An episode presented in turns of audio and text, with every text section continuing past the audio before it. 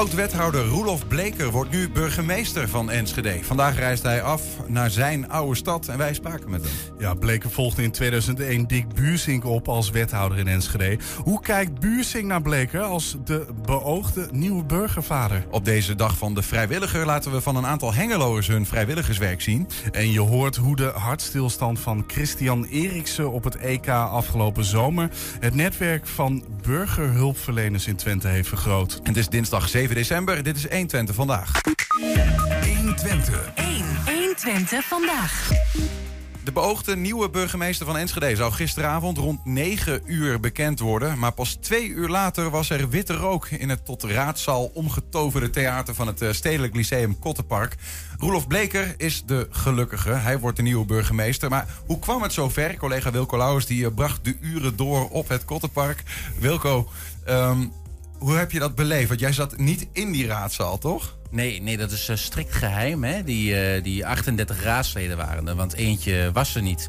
Er waren 38 raadsleden die zaten in die theaterzaal van Kotterpark eh, te vergaderen. Dat werd, werd op dat moment ook niet opgenomen, dat gedeelte van een vergadering. Ja, en ik zit hier op de redactie te wachten tot we het seintje van de gemeente zouden krijgen. Waarin ons verteld zou worden, nou de naam is bekend, binnen een kwartier ben je hier welkom. En dan zou ik vanaf hier naar Kotterpark rijden. Maar het was al eh, kwart over negen geweest. eh, en toen dacht ik, nou, voor de zekerheid, ik rijd er gewoon naartoe. Ja, ja, ja, en dan kom je daar aan. Wat, wat tref je dan aan? Want ja, het is zo geheim. Dat ik, eh, Staat er iemand met een Kalashnikov voor de deur? Of wat, eh, wat ja, gebeurt er allemaal? en zo Ja, precies, allemaal. ja. Nee, dat, is, ehm, dat, valt best wel, dat valt best wel mee. Je kunt gewoon binnenlopen, maar er zit natuurlijk zo'n iemand eh, wel bij de deur. Hè, die houdt de gaten wie er komt. Nou, die, die, die, die eh, theaterzaal is een, eh, er zit nog een deur tussen die ook dicht is. Dus het is allemaal wel redelijk afgeschermd. En je zelf moest de, de, de pers die dan welkom was. Hè, RTVO's was onze collega Rutger Bogerink. Nou, een staal van Tubantia. Ja, dan heb je het over de pers eigenlijk al. Hè. Wij Ja. zaten daar eh, eh, ehm, ehm, in een aparte zaal met nou, wethouder Arin Kampman zaten. En June Nots en wat eh, medewerkers eh, van de gemeente, ook van de Griffie. Allemaal Ja. te wachten wie hun eh, nieuwe Ja. collegevoorzitter wordt, om het zo te zeggen. Ja. Ja, daar hebben we wel een foto van. Want we hebben het zaaltje, hoe dat eh, erbij lag.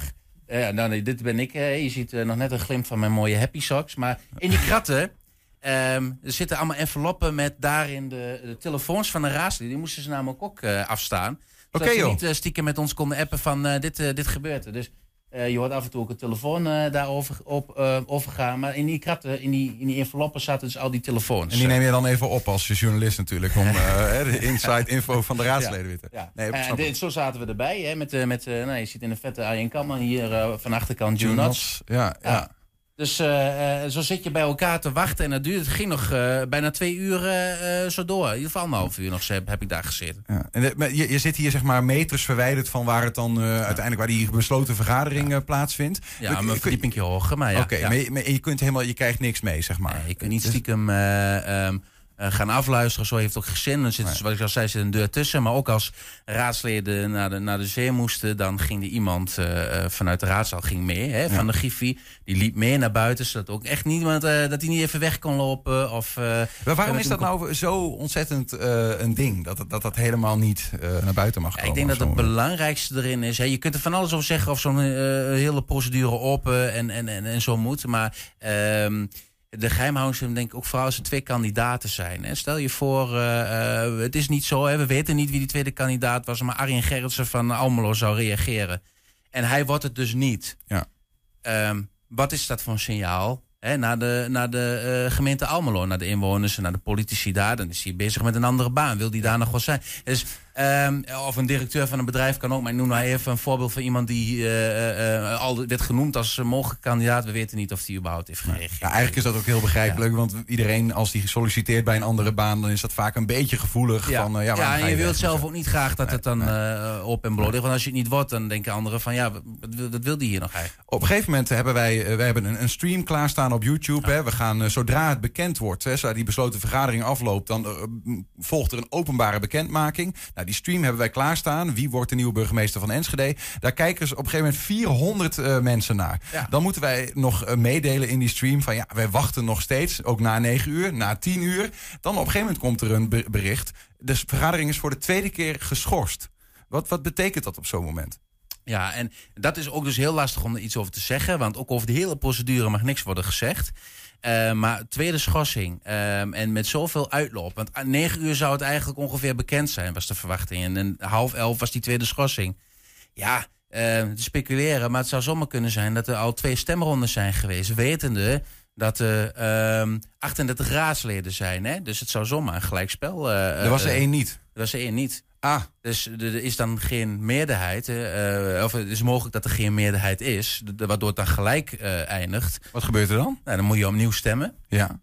Um, en dus ga je weer met elkaar in overleg. Moet toch iemand van gedachten veranderen? Nou, uh, in, in dat geval, als dat niet gebeurt, bij, komt een tweede stemronde, eindigt het ook gelijk. Mhm. Mm -hmm. En als dat het geval is, dan bepaalt het lot. dan wordt er gewoon een muntje opgegooid uiteindelijk wie, wie het dan wordt. Ik weet niet of het zo is gebeurd Nee, en nee. daar kom je niet achter. Het is wel mooi om dat zo lang in gedachten te hebben. Het was in ieder geval een zeer zware bevalling. Ja. Dus die, die andere kandidaat zal eh, eh, ook een goede papier hebben gehad, denk ik dan. Ja, ja. Nou, uiteindelijk geloven we dat het twee over elf was. Eh, kwam er een eh, mailtje bij ons binnen en kregen jullie ook het bericht in die wachtkamer. Er is witte rook. We hebben een nieuwe paus. Eh, er is een besluit gevallen. Of het, het lot is gevallen, dat weten we niet. Dat zullen we nooit weten. Nee. Maar, en, en dan? Wat, wat gebeurt er dan op zo'n moment? Ja, dan ga je allemaal eh, die, die, die, die kamer uit, ga je naar beneden, sta je voor die, die aula te wachten, hè, voor die theaterzaal. De deuren blijven nog even dicht. Ik weet niet wat er dan achter de schermen gebeurt, maar we hebben natuurlijk alles klaargemaakt. En eh, nou ja, word je uiteindelijk binnengelaten. En dan zie je alle raadsleden zitten. En die, laten zo min mogelijk eh, van zich merken, zeg maar. Je ziet niet eh, heel erg aan de gezichten af wat er is gebeurd. Ze mogen ook niks over zeggen, natuurlijk. En dan ga je zitten en dan begint Mark Turtelink de voordracht te houden. En die legt dan uit waarom er is gekozen. Hij is eh, voor- voorzitter van de commissie die de burgemeester uiteindelijk Juist. heeft benoemd. Ja, de vertrouwenscommissie. Ja. Ehm, en die, die uiteindelijk die twee kandidaten heeft aangedragen aan de gemeenteraad. En eh, nou, we hebben Mark Tuttelink ook gesproken. En daar kunnen we even naar kijken. Voorzitter van de vertrouwenscommissie. Voor de benoeming van de nieuwe burgemeester. Een hele lange vergadering vanavond. We hebben heel lang zitten wachten. Uiteindelijk eh, komt Roelof Bleker, Bleker eh, uit de bus. Waarom Roelof Bleker?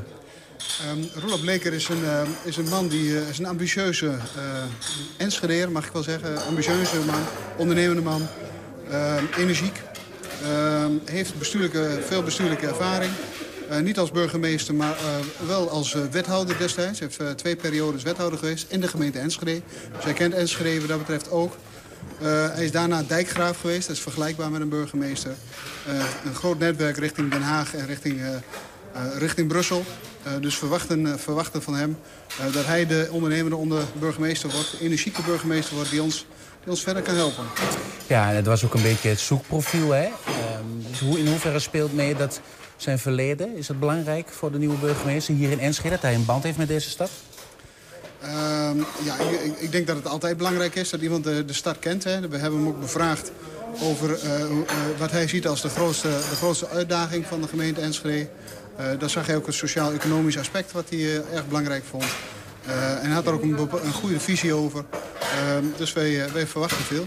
Er zijn ook nog dingen die jullie speciaal hebben meegegeven aan, aan de nieuwe burgemeester. Wat vinden jullie nog belangrijk dat moet gebeuren? Het is wel belangrijk dat het is een grote stad, Enschede. Heeft ook ruwe, rauwe kantjes. Hè. Dus we hebben wel meegegeven dat het toch wel een opgave is. maar hij, heeft, hij is. Hij is ook op zoek naar een, naar een goede uitdaging, naar een, een brede uitdaging. En hij is verschrikkelijk blij dat hij weer terug mag naar zijn stad. Ja, en hoe ziet het verder het proces uit? Kun je dat schetsen voor ons? Uh, we hebben de heer Bleker gebeld zojuist. Hè? En, dus hij heeft, hij heeft het ook kunnen vertellen aan zijn huidige werkgever. En, hoe ziet het nu verder uit? Ik denk dat de heer Bleker deze week in Enschede ontvangen zal worden door het college, verwacht ik zelf.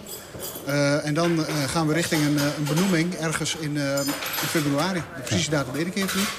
Ja, en dan, en dan is hij officieel burgemeester. Het is uh, ongeveer de bedoeling dat hij rond 1 februari ja. aan het werk gaat. Ja, klopt inderdaad. En ja. dat is belangrijk vanwege ook de verkiezingen die eraan ja. komen. Ja. ja, het is belangrijk dat, dat, uh, dat hij een tijdje aan het werk is. Hè? Dus dat hij ook op een gegeven moment het huidige college, maar ook uh, een deel van de raad kent. En goed voorbereid is voor de verkiezingen. Want dan komt er natuurlijk een volledig nieuwe uh, gemeenteraad, nieuw college. En het is goed als hij dat mede kan, kan vormen. Of in ieder geval betrokken is bij de vorming van.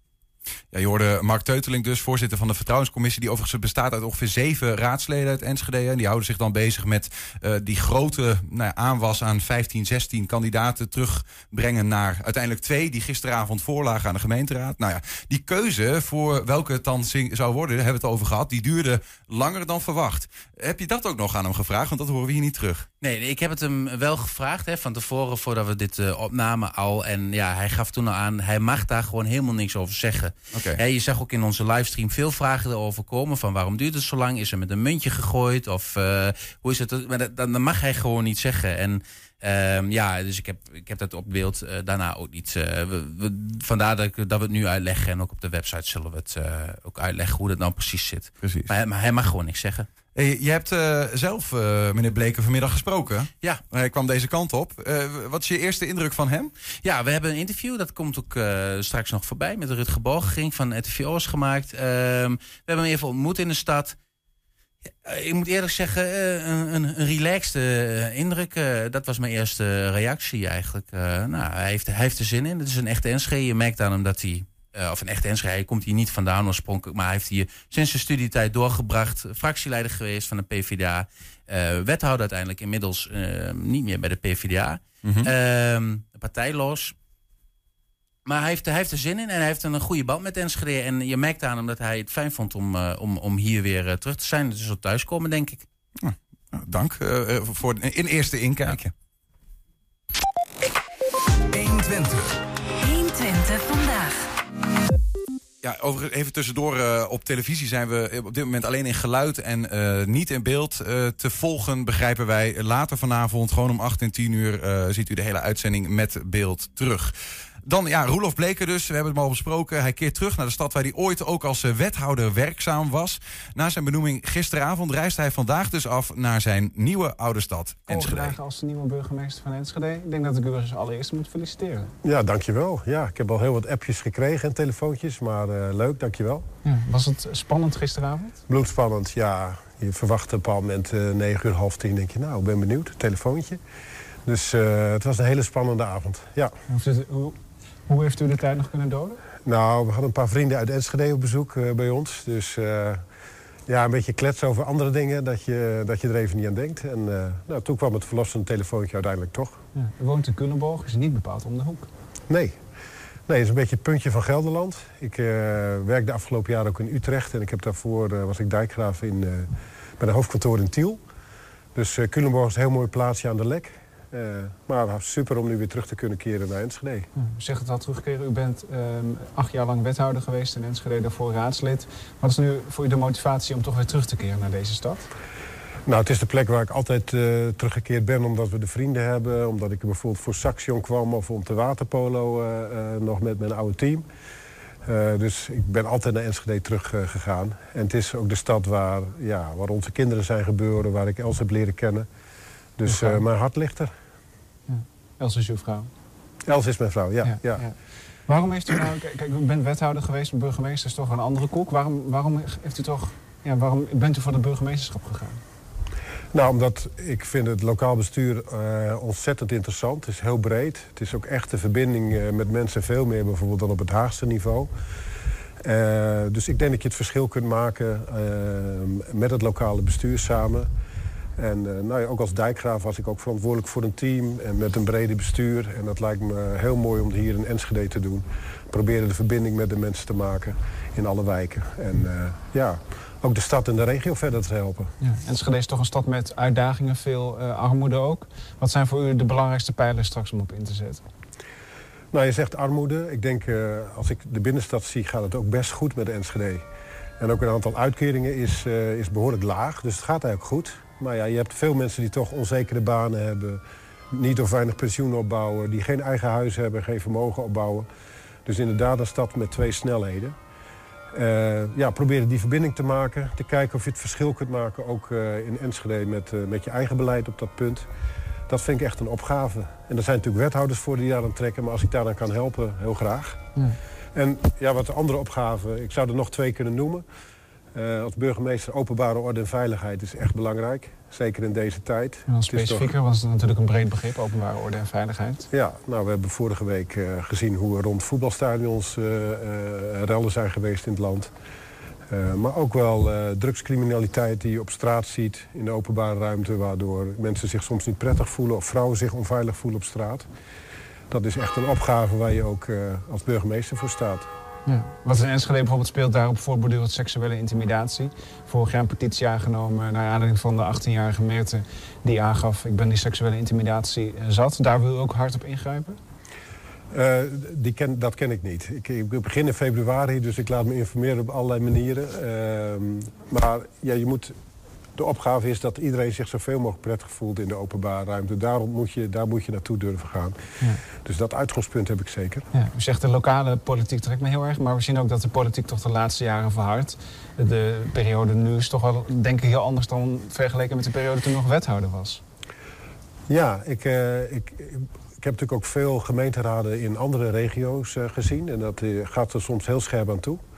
Eh, aan, de, aan de ene kant vind ik het helemaal niet erg hoor. Als eh, gewoon wat leeft in de stad, als dat zich ook op de tafel van het stadhuis en in de raad laat voelen, is dat denk ik alleen maar gezond. Ehm, maar het is wel lastige besturen geworden met heel veel kleine fracties, met moeite om meerderheden te organiseren en om koers te houden. Dus dat is een flinke op- op- opgave, denk ik ook. Ja. Ook hier. Bent u daar ook flink naar gevraagd door de commissie die over de benoeming van de burgemeester ging? Nou, je merkt ook dat de raad zelf zoekt eh, naar zijn rol daarin en hoe doen wij dat en kan iemand ons helpen. Dus ik heb wel verteld hoe ik bijvoorbeeld bij het waterschap heb geprobeerd om een koers uit te zetten met, eh, met een stevig deel daar van het bestuur. Maar dat is toch wat bestuur in de luwte. Dit is echt een stad waar veel gebeurt. Dus eh, ja, of me dat hier ook lukt en of ons dat samen lukt, dat moet ook na de verkiezingen blijken. Ja, u bent straks de belangrijkste man, om het zo maar te zeggen, van de grootste stad van Overijssel. Betekent dan ook wel dat u vaak 24 uur per dag aanstaat? Dat realiseer ik me, ja. En ehm, eh, het is ook inderdaad eh, de stad en, en de mensen die, eh, die veel tijd en energie krijgen. En, wat gewoon tijd kost, maar ook de regio. Daar zal ik zeker mijn schouders onder zetten. Het is natuurlijk, ik ken het ook al als creatieve techregio. Ik heb zelf op de UT gestudeerd en ken Kennispark. En ik ken ook wel wat andere plekken in, in Twente waar veel gebeurt. Maar ook de groene kant. ehm, eh, stikstof. Eh, als, als dijkgraaf ben je ook in het landelijk gebied actief. En met boerenorganisaties. Dus ik hoop ook met, eh, met de verbinding van die twee werelden... eh, ho- hoop ik ook in, eh, in Twente ehm, ja, het verschil mee te kunnen maken. Ja, heeft uw voorganger Onno van Veldhuis heel erg ingezet op de samenwerking met Duitsland... en in het bijzonder Münster. Gaat u dat voortzetten? Nou, volgens mij moeten we daar zeker ook weer de vruchten van plukken. Eh, je leest nu eh, in de krant ehm, dat er misschien kansen liggen... naar aanleiding van het Duitse regeerakkoord.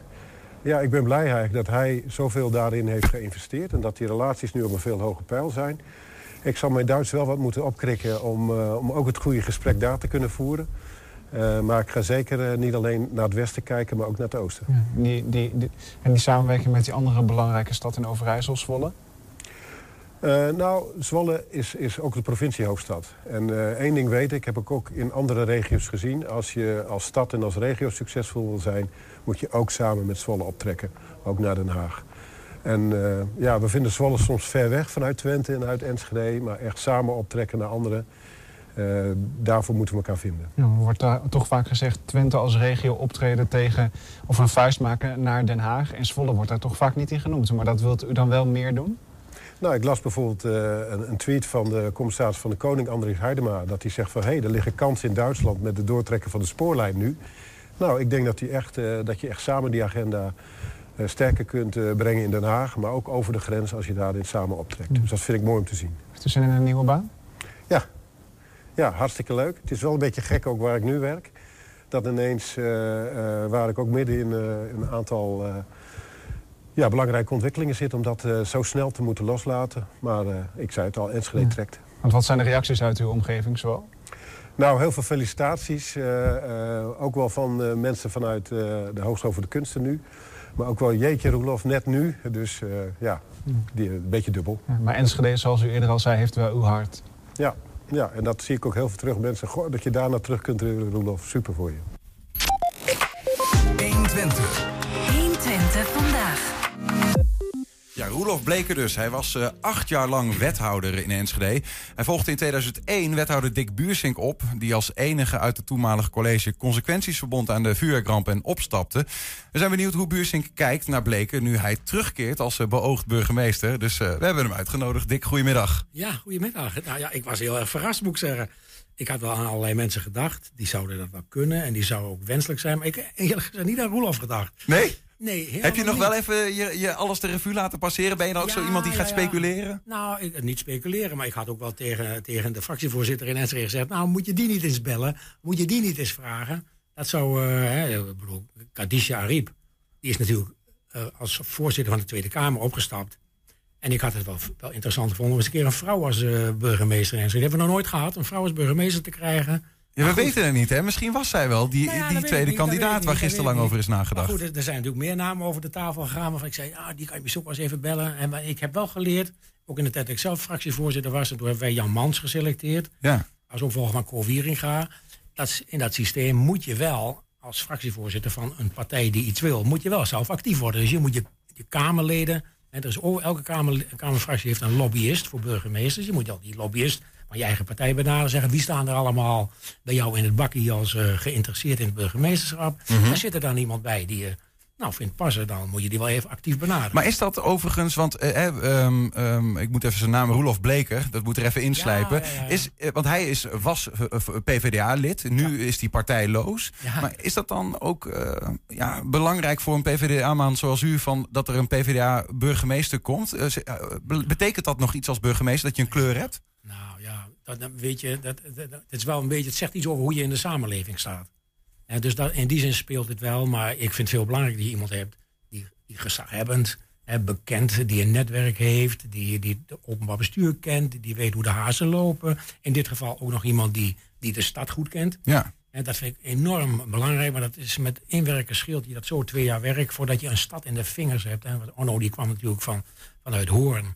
En dan kom je in Enschede en ja, je kent die hele stad niet. je, je kent de mensen niet. En Roelof komt terug naar, naar nou, wanneer is hij weggegaan? In 2010. Ehm, die komt na tien jaar terug. Maar heel veel mensen die ook toen al actief waren, zijn nog steeds actief. Hè? Kijk naar mezelf. Eh, dus dat vind ik wel een groot voordeel. Dat Ja. je de stad kent. Hij heeft de wederopbouw van, na de vuurwerkramp. eh, die had ik in, in, in de benen gezet. eh, de, qua organisatie. En hij heeft dat uiteindelijk, nou, vind ik heel erg goed, uit laten voeren.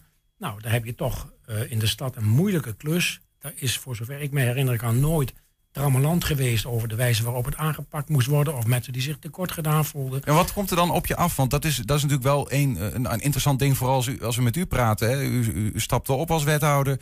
Hij kwam ehm, en, en nam nou ja, uw plek in. Ik weet niet, 2001. op, nou, hij is wethouder van een college wat nou ja, zeg maar, eh, met een stad moet dealen die een grote wond heeft eh, gehad net. Wat komt er dan op je bordje te liggen? Wat heeft hij dan te verteren gehad in die tijd? Ja, weet je, ehm, de, de organisatie stond. Pieter Bruin was benoemd. In hoofdlijnen was duidelijk dat we de stedenbouwkundige structuur van dit gebied, hè, zeg maar langs de Tollestraat en alles wat er omheen ligt. Zou je de microfoon heel iets dichter bij je mond dat we die, kunnen trekken? die stedenbouwkundige structuur zouden we in stand houden. Hè. Daar hadden we ook advies over gevraagd. Dus in wezen de organisatie eh, van de mensen die de wederopbouw moesten begeleiden stond. Ehm, en dan sta je dus op het moment dat je moet organiseren dat dat wat je bedacht hebt als eh, structuur, dat het ook uitgevoerd wordt. Dus dan moeten partijen aangezocht worden die dingen gaan realiseren. En dan moet je dan ook zo doen dat je als stad er niet failliet aan gaat. En dat je niet veel te veel geld betaalt. Of dat je er zelfs eh, winst mee maakt.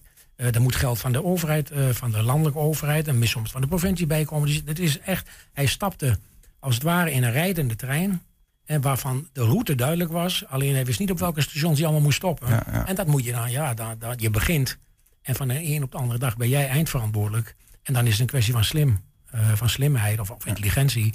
eh, om, eh, ja, om dat op een goede Maar dat manier heeft hij te doen. wat, wat u betreft naar behoren gedaan toen. dat Ja, hij er staat natuurlijk ja. een prachtige wijk nu, maar Ja. ik weet niet hoe dat onder de oppervlakte is gegaan. Ja, nou, wat ik belangrijk vond, kijk, je hebt een bepaalde cultuur van besturen. hè, Dat had ik zeker. Hè, Dus je gaat, ik was niet, sta niet boven de mensen, maar tussen de mensen. En dat was natuurlijk ook nodig. Die stad was getraumatiseerd. Heel veel mensen hadden totaal het vertrouwen in de overheid verloren. Eh, waren wantrouwend, waren getraumatiseerd. eh, dus al lastig. Nou, dan, dan ga je weg. Hè, en ik vind nog steeds terecht dat ik opgestapt ben na die, na, nadat het rapport van Oosting eh verscheen. Want iemand moet zichtbaar maken dat de overheid verantwoordelijk is. Ehm, dus dat heb ik gedaan. En dan komt er een opvolger.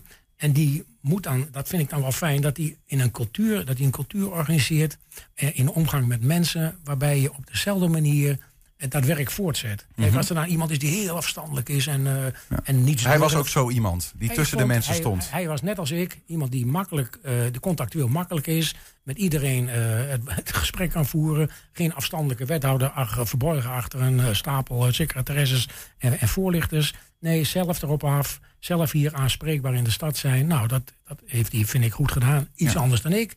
Maar eh, nee, ik ben, ik ben heel erg blij dat Roelof weer terugkomt naar Enschede. Ja, want ik, ik- dat is ook, neem ik aan, een, een belangrijke eigenschap voor een burgemeester. Hè? Dus, Absoluut. maar Absoluut. als ik op de man afvraag, is hij een geschikte burgemeester voor Enschede? Ja, ik vind Roelof een zeer geschikte burgemeester. En ik zeg dat echt omdat ik het ook meen hoor.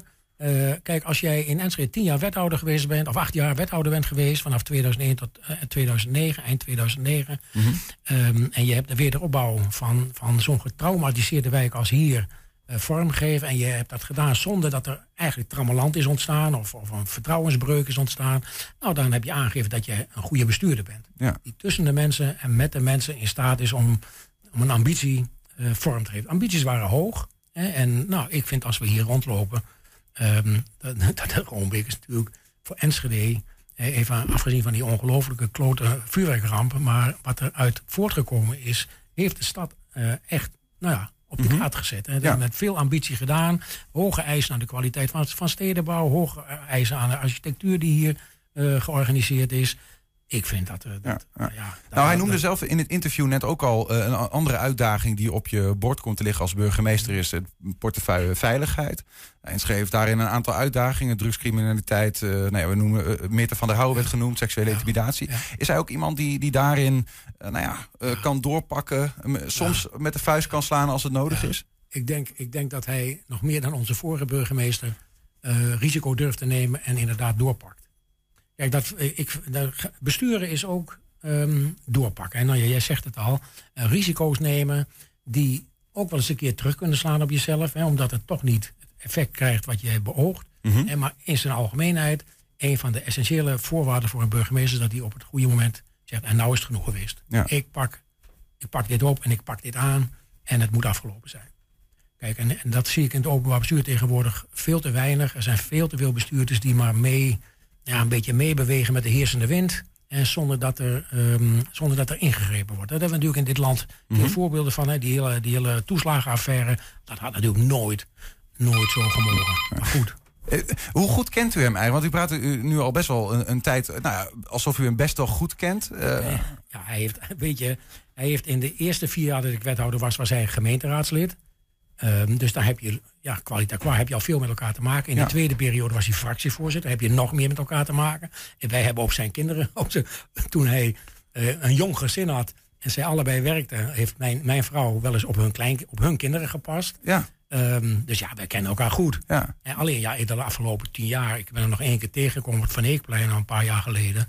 En ik heb dus nu geen contact met hem. Maar Oké, er is ook niet eh, in de afgelopen ik- maanden stiekem wel eens contact nee, geweest nee, van... eh, nee, Dick, eh, hoe moet ik dit nou, dit nou brengen zodat ze mij daar aannemen? Nee, nee, nee, nee. Maar in de afgelopen eh, 24 uur dan, heeft u contact met hem gehad? Ik heb vanmorgen een, een, een WhatsApp-bericht aan hem gestuurd. Ja. Gefeliciteerd. Hartstikke Ja, fijn ja, dat je terugkomt. Ja, ja. En hij reageerde een paar uur later. Ja, ik verheug me erop.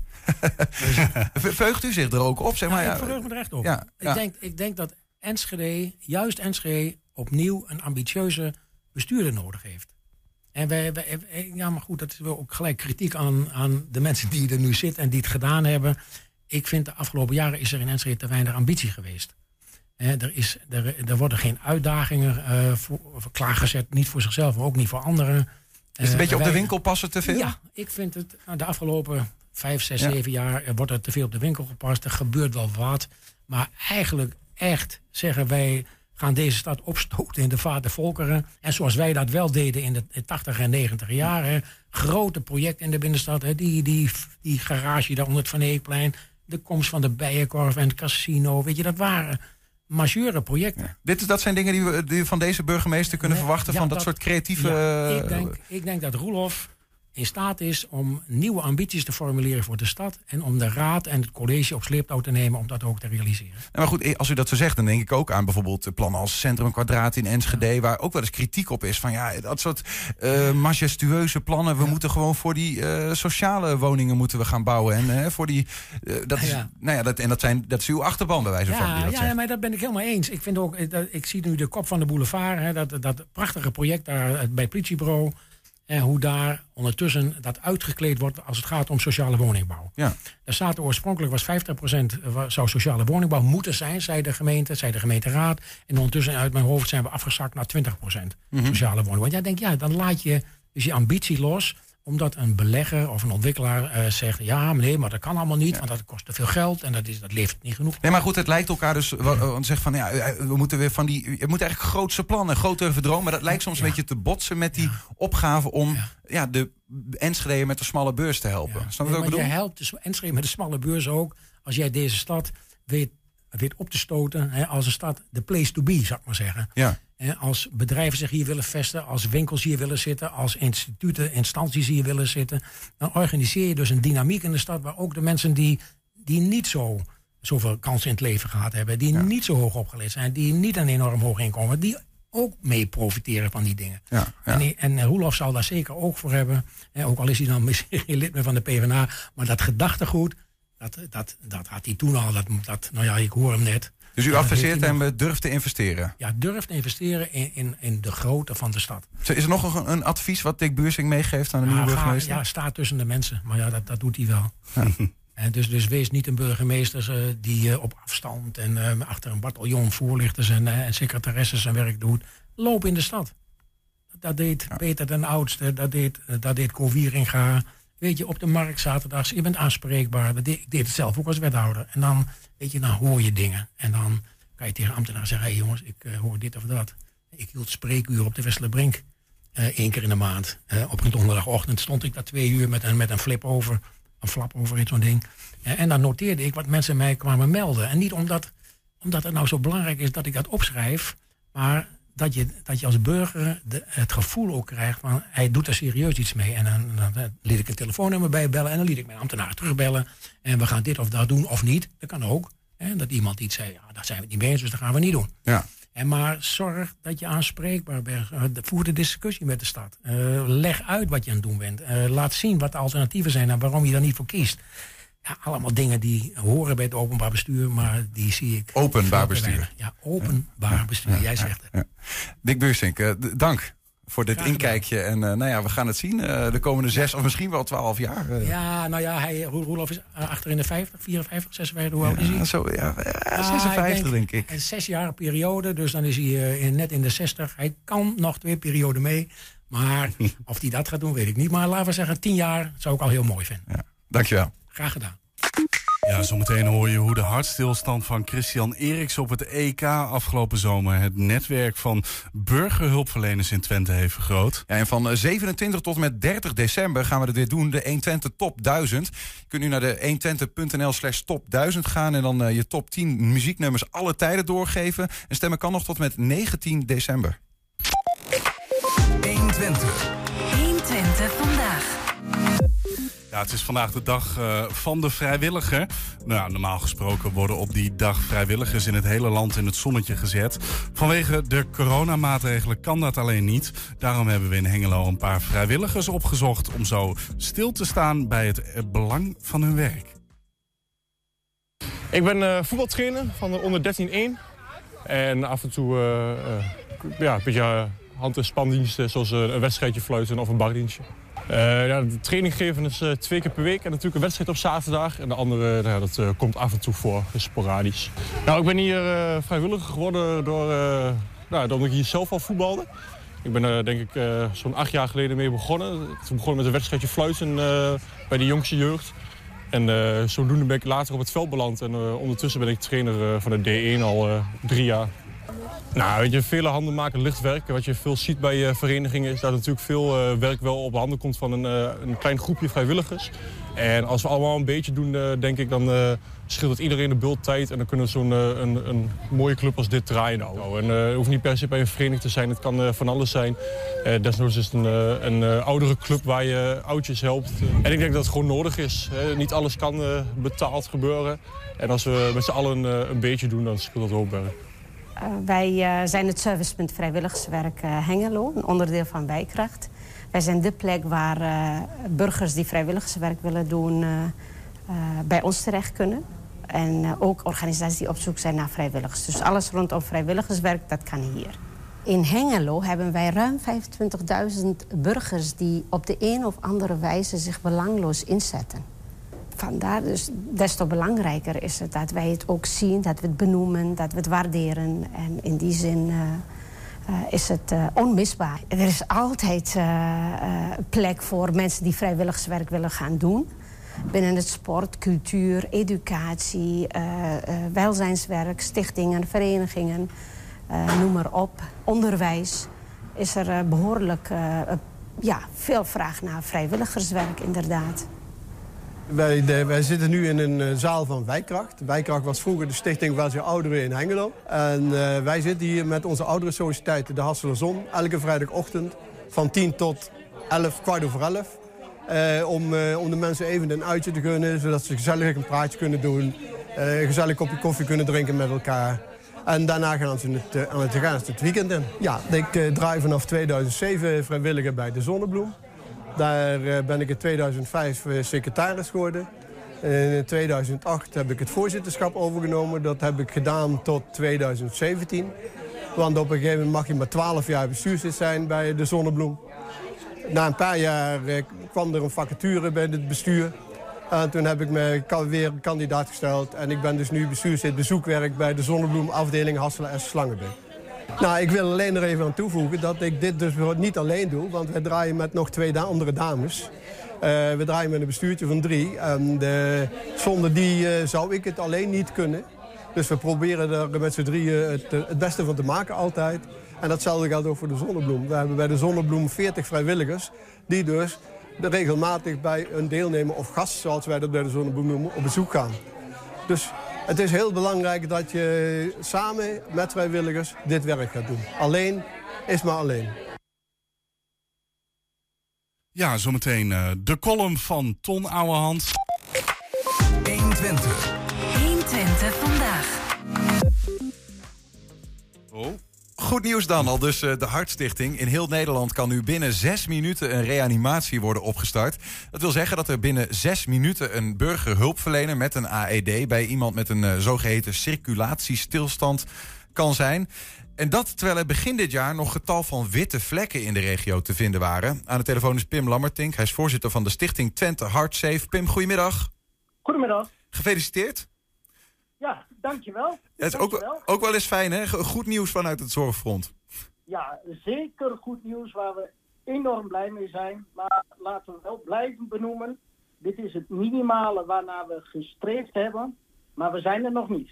Er kan altijd meer bij in dit geval. Ja, ja, ja, ja. want uh, jullie hebben gestreefd naar uh, dat er overal dekking is voor binnen zes minuten hulp? Ja, hè, uh, het blijft natuurlijk altijd een theoretisch plaatje. Maar de bedoeling is geweest om inderdaad in het geval van een circulatiestilstand binnen zes minuten mensen te plaatsen te hebben die weten wat ze moeten doen, die adequaat kunnen handelen. En daardoor aan het begin van de schakel van hulpverlening staan en iemand een tweede of een derde kans geven. En wat, wat is een circulatiestilstand precies? Ja, uh, in de volksmond wordt er altijd gesproken over een hartstilstand. Ja. En, uh, een hartstilstand betekent dat er geen enkele elektrische activiteit meer in het hart aanwezig is.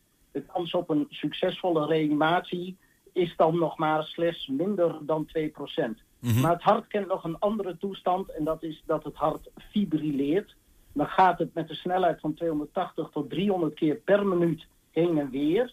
Je kunt dus niet spreken over een stilstand. Maar wat er niet meer gebeurt is dat de drukopbouw in het hart plaatsvindt, waardoor er geen verpomping meer is. Oké, okay, Oké, Eh, dus, we en dat is een, dus de, het bloed circuleert niet meer door het lichaam, waardoor je niet meer genoeg zuurstof krijgt. Ja, dat is correct. Ja, en, en, en een, eh, een AED eh, kan daarbij helpen om eh, het hart weer normaal te laten rondpompen. Ja, eh, in feite is de AED de machine, een automatische externe defibrillator, Ja. die ervoor kan zorgen als het hart in die toestand van 280 tot 300 keer per minuut heen en weer trilt, die een schok geeft waardoor het hart eigenlijk stil wordt gezet, als ware gereset, Mhm. in de hoop dat hij daarna zijn normale hartritme weer oppakt. Ja, nou zijn jullie met als Stichting Twente Hartsafe eigenlijk bezig om nou, in heel Twente voor betere dekking te zorgen. Hè, met, eh, laat ik zeggen, toegankelijke AED's en voldoende eh, hulpverleners die er ook mee overweg kunnen. Begin dit jaar ehm, waren er nog een heleboel eh, nou ja, witte vlekken in de regio. Wat, wat hield het dan eigenlijk in? Waren daar geen AED's of waren er niet genoeg hulpverleners die ze konden gebruiken? Nee, eh, ja, een heleboel blinde vlekken, dat viel nog wel mee. Als je de eh, range aanhoudt die de Hartstichting en ehm, Hartslag nu hanteert. En dat is eigenlijk eh om de 500 meter een beschikbare AED. Ehm, dan viel het nog wel mee, maar er waren zeker in Twente een aantal blinde vlekken. En ik kan heel trots vermelden dat we in samenwerking met de gemeente Hengelo en de Rabobank eh, nu in Hengelo eh, weer op vijf plekken een AED hebben weten te realiseren, waardoor eigenlijk de dekking in Hengelo in ieder geval ehm, eh, zeker verlost is van blinde vlekken. Ja, ja, Hengelo was nog wel een dingetje toch binnen Twente. Ik geloof, eh, wat was het, in, in Slangenbeek de- en, en Veld, Veldwijk Zuid, Klein Driene. Ja, dat klopt. Eh, er waren inderdaad een paar spots, hè, wat je ook noemde. ehm, eh, Slangenbeek, uh, Kleindriene, eh, de Sloetsweg en nog een paar vlekken. En we hebben nu, doordat de gemeente geld beschikbaar heeft gesteld en de Rabobank en Twente Hart Safe, de combinatie met z'n drieën, hebben we op vijf plekken een AED weten te realiseren, waardoor die vlekken in Hengelo opgevuld zijn. Ja, eh, dat eh, lijkt dan ehm, met een kwestie van, van genoeg geld opgelost. Maar ik begrijp dat er ook nog iets ehm, vanuit eigenlijk een hele trieste situatie gekomen is. Namelijk de circulatiestilstand, zou ik dan maar zeggen, van Christian Eriksen op het EK. Ja, ehm, als, eh, als, eh, het is natuurlijk ongelooflijk triest en een ongelooflijke impact. Zeker als dat ook nog eens een keer op televisie breed uit te zien is. Dat iemand een circulatiestilstand krijgt. Ehm, maar het mooie hiervan is weer, hè, laat ieder nadeel heeft ook wel weer een voordeel. Dat een heleboel mensen hebben kunnen aanschouwen door adequaat snel op te treden. eh, daadwerkelijk reanimeren en defibrilleren eh, kan leiden tot een tweede kans. En Eriksen is daar een heel mooi voorbeeld van. En ehm, dat heeft toch ook weer een heleboel mensen aan denken gezet. Van wat nou als dit in mijn omgeving gebeurt? En eh, daar zijn er toch een heleboel mensen die zich gerealiseerd hebben... ja, dan zijn we afhankelijk van anderen. Nou, iedere seconde telt bij een circulatiestilstand. Wat weer toe heeft geleid dat een, eh, eigenlijk een flinke toename is... met het aantal mensen die toch willen leren reanimeren. Hoe, hoe meet je dat dan eigenlijk? Dat zijn mensen die daadwerkelijk zich aanmelden voor een cursus of zo? Ja, klopt. Of, of, of zijn die ook Eh, geregistreerd in een systeem als officieel burgerhulpverlener? Hoe moet ik dat eigenlijk zien? Nee. Ehm, eh, op het moment dat je aanmeldt voor een reanimatiecursus, dan eh, krijg je een, een diploma dat je kunt reanimeren en dat je weet hoe je een AED moet bedienen. Dan komt de vervolgactie. Ehm, wil je je laten registreren in Hartslag Nu? En op het moment dat je je daarin laat registreren, dan ben je ook zichtbaar voor het systeem als burgerhulpverlener. Mocht er dan een reanimatie eh, in een cirkel van in principe 500 meter rond jou eh, plaatsvinden, dan kun jij opgeroepen worden. En die oproep kan bestaan uit ga direct naar het plaats waar het slachtoffer zich bevindt en start de reanimatie. Of ga eerst naar een plek waar een openbaar toegankelijke AED hangt, haal die op en ga met die AED naar de plaats van het incident. Ja, ja, ja. Ehm, we hebben het gehad over de, de, de betere dekking. Hè? Meer AED's eh, bijvoorbeeld in Hengelo. En eh, de groei van burgerhulpverleners die daarmee over, overweg kunnen. Ehm, Ik heb ook begrepen dat de politieauto's die rondrijden, die we zien surveilleren, dat die ook een AED aan boord hebben. Ja, dat is eh, een fantastisch mooie ontwikkeling. Want ehm, eh, het politiesysteem kent dus een surveillance-dienst. Dat betekent, die zijn altijd eh, onderweg. En dat betekent op het moment dat zij een melding via de meldkamer doorkrijgen, ja, in feite al in de auto zitten en rijdende zijn. Waardoor zij over het algemeen ook heel snel te plaatsen kunnen zijn. Ja. En dus die AED op de plaats van het incident eh, ook daardoor min of meer wel gegarandeerd is. Ja, breng me toch ook bij de vraag, want ik begrijp dat je zelf werkzaam bent bij, bij de brandweer. Eh, daar is dat nog niet het geval. Hè? Er ligt volgens jou nog een kans?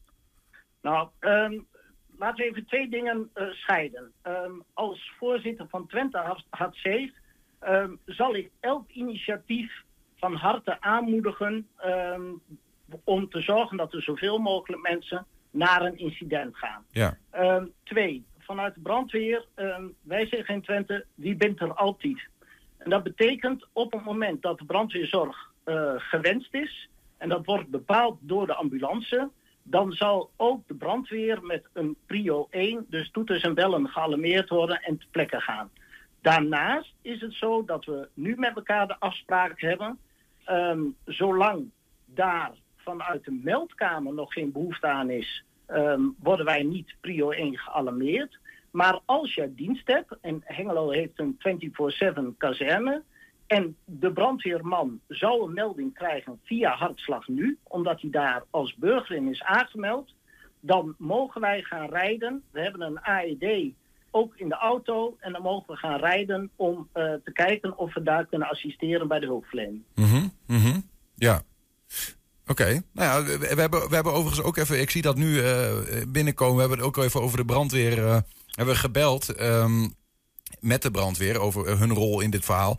En ze zeggen eigenlijk aansluiting bij Hartslag nu heeft geen meerwaarde, omdat de brandweer snel genoeg ingezaaid kan worden door ambulance en politie, mocht dat nodig zijn.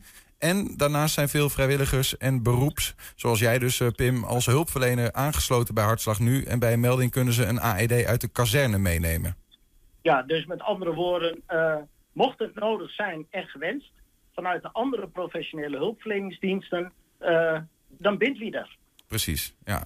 Mooi, eh, Pim, dankjewel voor een inkijkje en, in deze wereld. En nou ja, mooi om, om te horen dat het verbeterd is in, in Twente, die dekking. En op naar nog meer, want daar, daar begon je eigenlijk mee. Het is goed, maar we willen nog meer. Misschien is dat een Ja. mooie laatste vraag. Wa- wanneer is het goed dan voor Pim Lammertink?